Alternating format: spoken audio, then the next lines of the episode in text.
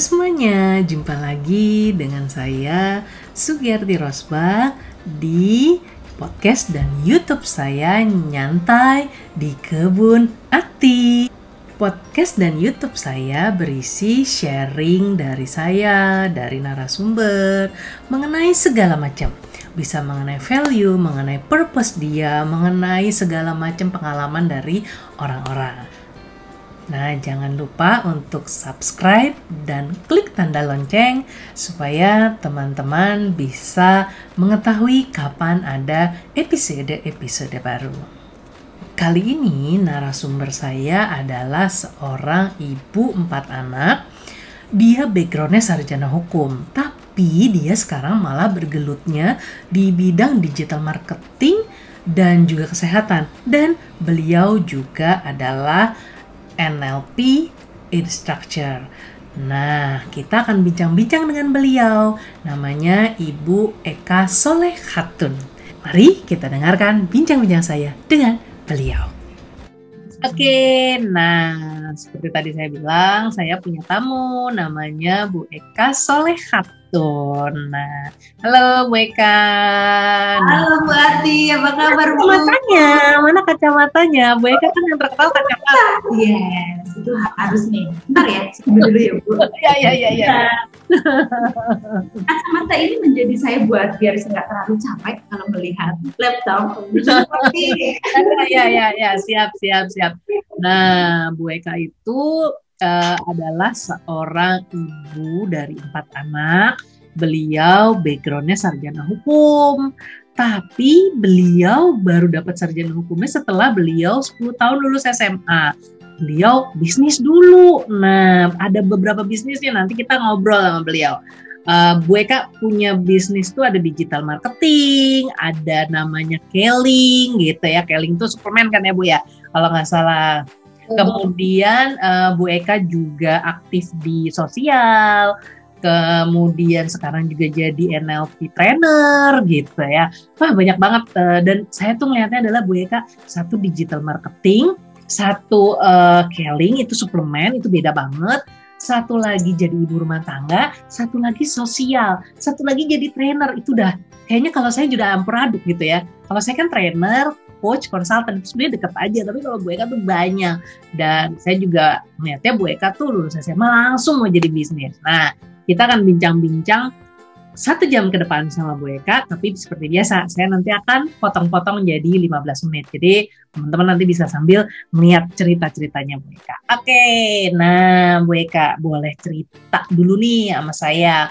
Kenapa Bu Eka kan katanya dulu lulus SMA langsung hmm. kerja ya, bisnis gitulah ya. Kenapa ya, Bu Eka pengen bisnis? Uh, baik, mungkin uh, pertama kali saya mengenal bisnis uh, saya masih SMA Bu Ati kebetulan dan tapi sebelumnya terima kasih dulu nih loh sudah diundang sama Bu Ati. kita ngobrol mulai. Uh, Bu Ati ini bagian dari orang yang saya kagumi ya. Alhamdulillah. Uh, Benar-benar luar biasa. Saya itu pokoknya kalau ngobrol sama Bu Ati nggak usah takut salah atau benar. Beliau itu akan bilang kalau salah ya salahnya di sini begitu. Jadi merasanya nyaman lah dengan Bu Ati. Jadi ini sebuah kehormatan ya bagi saya bisa ngobrol ya di sesi siang hari dengan Bu Ati. Baik, Terima kasih. Sama-sama Bu. Tadi mungkin sesuai pertanyaan, pertanyaan dari Bu Ati, uh, kenapa saya lebih tertarik bisnis? Karena memang dari SMA uh, saya sudah mengenal bisnis ya. Hmm. Bisnis seperti yang sekarang saya jalani di digital network marketing yang tadi Ati bilang uh, Keling gitu ya. Hmm. Tapi dulu waktu saya SMA bukan uh, bukan uh, perusahaan ini gitu ya, ah. perusahaan uh. lain gitu ya, perusahaan uh. lain uh, dulu masih bukan digital network marketing berarti tapi hmm. level marketing. Jadi hmm SMA saya sudah terbiasa pulang sekolah sudah uh, bawa whiteboard kalau zaman dulu whiteboardnya digulung bu karena oh. kita mobile dari rumah oh. ke rumah gitu ya hmm. uh, saya nggak pulang, uh, pulang sekolah saya nggak ke rumah bu Ati saya hmm. sudah dari pagi sudah bawa whiteboard digulung sudah bawa produk untuk demo pulang sekolah saya ganti baju langsung uh, sesuai dengan agenda presentasi di mana, di uh, prospek mana, pakai whiteboardnya dipasang di ruang tamu, pakai demo seperti itu sampai saya lulus SMA berarti. Jadi mungkin uh, itu yang membuat saya jatuh cinta dengan uh, bisnis ya. Hmm. Apa sih yang membuat saya jatuh cinta waktu itu? Hmm, pertama mungkin saya lebih uh, senang bahwa saya bisa berbicara di depan banyak orang bu hmm. seperti SMA ya itu juga tidak mudah bagi umur umur saya waktu itu dan itu bagi saya itu sebuah prestasi gitu ya. Teman-teman saya mau ngomong di depan kelas sama di depan umum juga masih keringet dikit ya buat dulu kalau kalau kami gitu ya. Tapi uh, saya merasa uh, dengan saya menjalani bisnis saya punya satu kenaikan uh, lebih dibanding mereka. Saya bisa berbicara di depan banyak orang seperti itu. Waduh. SMA itu. SMA itu ya Bu Eka bisa ini banget ya gitu. Uh, digital apa tadi Bu Eka kalau yang SMA? Uh, multi level marketing bu. Oh multi level marketing. Ya, mungkin apa MLM ya? MLM apa? Uh, dulu MW buat. Oh dulu MW. Oh iya ya zaman zaman. Zaman tahun 94, 95 yang berjaya dulu itu gitu. saya dulu mikir loh saya sempat ikutan sama suami sempat ikutan terus tapi kita hmm, kayaknya enggak apalagi waktu itu kan kita masih jadi karyawan ya jadi agak susah gitu untuk oh. untuk bergerak dari dari apa korporasi ya dulu kalau Bu Eka kan udah dimulai gitu nah yeah. dari MLM terus waktu lulus SMA nerusin MLM ini atau sebenarnya bikin satu bisnis baru lagi gitu Uh, enggak, kebetulan saya tidak meneruskan MLM ini bukan karena MLM ini tidak bagus Bu, MLM ini terus berkembang ya. Memang ada beberapa masalah intern di grup kami nggak pas lah, ada masalah keuangan ya seperti itu. Intinya kami merasa bahwa uh, plan kami kurang amanah gitu dari uh, bonus, uang belanja dan bla bla bla yang lain. Intinya ini ada masalah intern yang membuat kami harus uh, udahlah berhenti dulu gitu. Tapi itu bukan masalah utama buat Ti ya. Masalah utama waktu itu adalah karena saya juga sibuk ya setiap hari pulang malam orang tua saya sempat salah paham salah paham anak SMA-nya ini kok takutnya pergaulannya uh, ya, gitu. ya nggak kalau kita sekarang posisi sekarang punya anak SMA ya pasti khawatir ya iya. Uh, orang tua saya sama juga bu. Uh, khawatir anaknya terjerumus ke pergaulan yang tidak benar seperti itu. Kenapa? Hmm. pulang malam pulang malam gitu. Nah, ini lain mah belajar ini mah yes, pulang tolong deh. Saya sebelum kenal bisnis itu saya benar-benar anak baik yang rumahan bu. Oh. belajar habis maghrib juga ngajari adik-adik uh, apa uh, adik-adik angkatan untuk ngaji seperti itu. Pokoknya hmm, bagi orang tua saya benar-benar anak baik yang lumayan dibanggakan waktu itu. Tapi Sampai sekarang masih dong anak baik. Insya Allah sekarang sudah dibuktikan lewat perusahaan yang sekarang ini Bu. Alhamdulillah Tuhan memberikan uh, apa ya imbalannya di sini Bu. Jadi uh, bersyukur sekali. Nah waktu itu Bu Ati kebetulan kan saya tinggal di Kebumen Bu. Saya asli Kebumen Bu Ati. Oh asli Kebumen. Iya. Soalnya ibu saya itu aslinya Banyumas. Masya Allah, berarti nggak jauh-jauh dong Bu. Ngapak-ngapak nggak Bu Ati? saya kan lahirnya udah di Jakarta, ibu saya juga udah dari tahun 50 lah di Jakarta. 50-an kali tahun 50-an udah di Jakarta. Jadi saya sih udah ngerasa orang Jakarta, tapi uh, masih suka pulang ke Purwokerto gitu.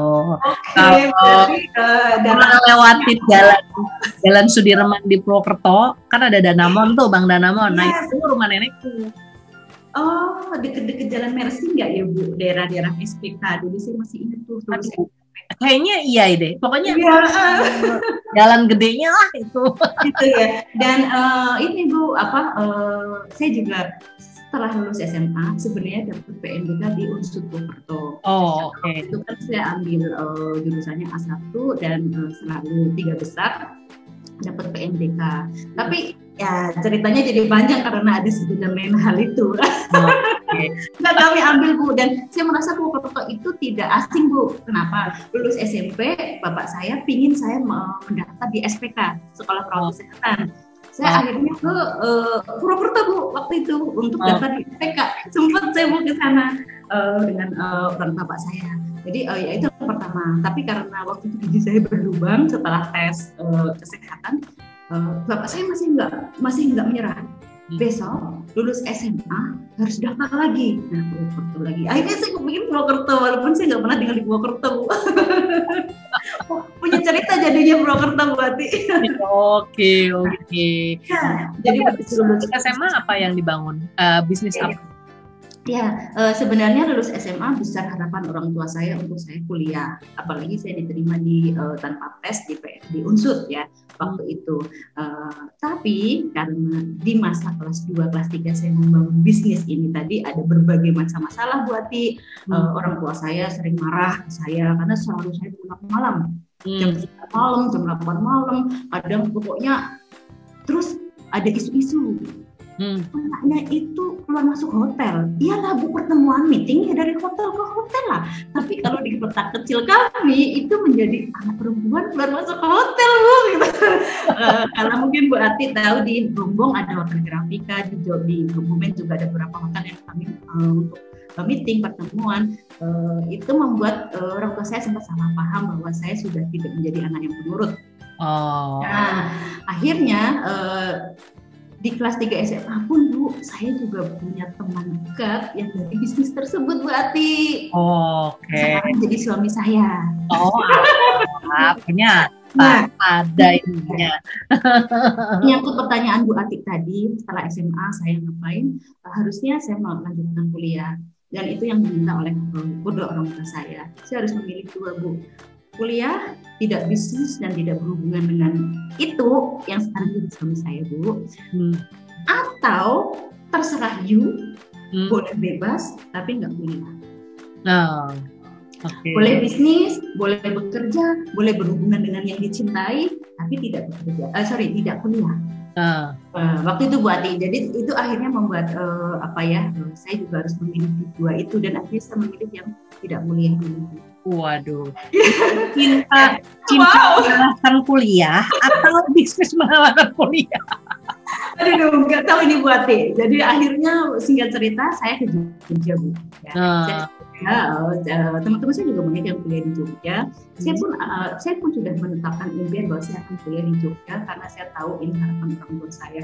Walaupun mungkin tidak dengan di uh, biaya mereka karena ada catatan tadi itu bu, ya pilihan yang tidak saya terima Oh. Tapi saya sudah saya sudah tekadkan bahwa ini akan selesai.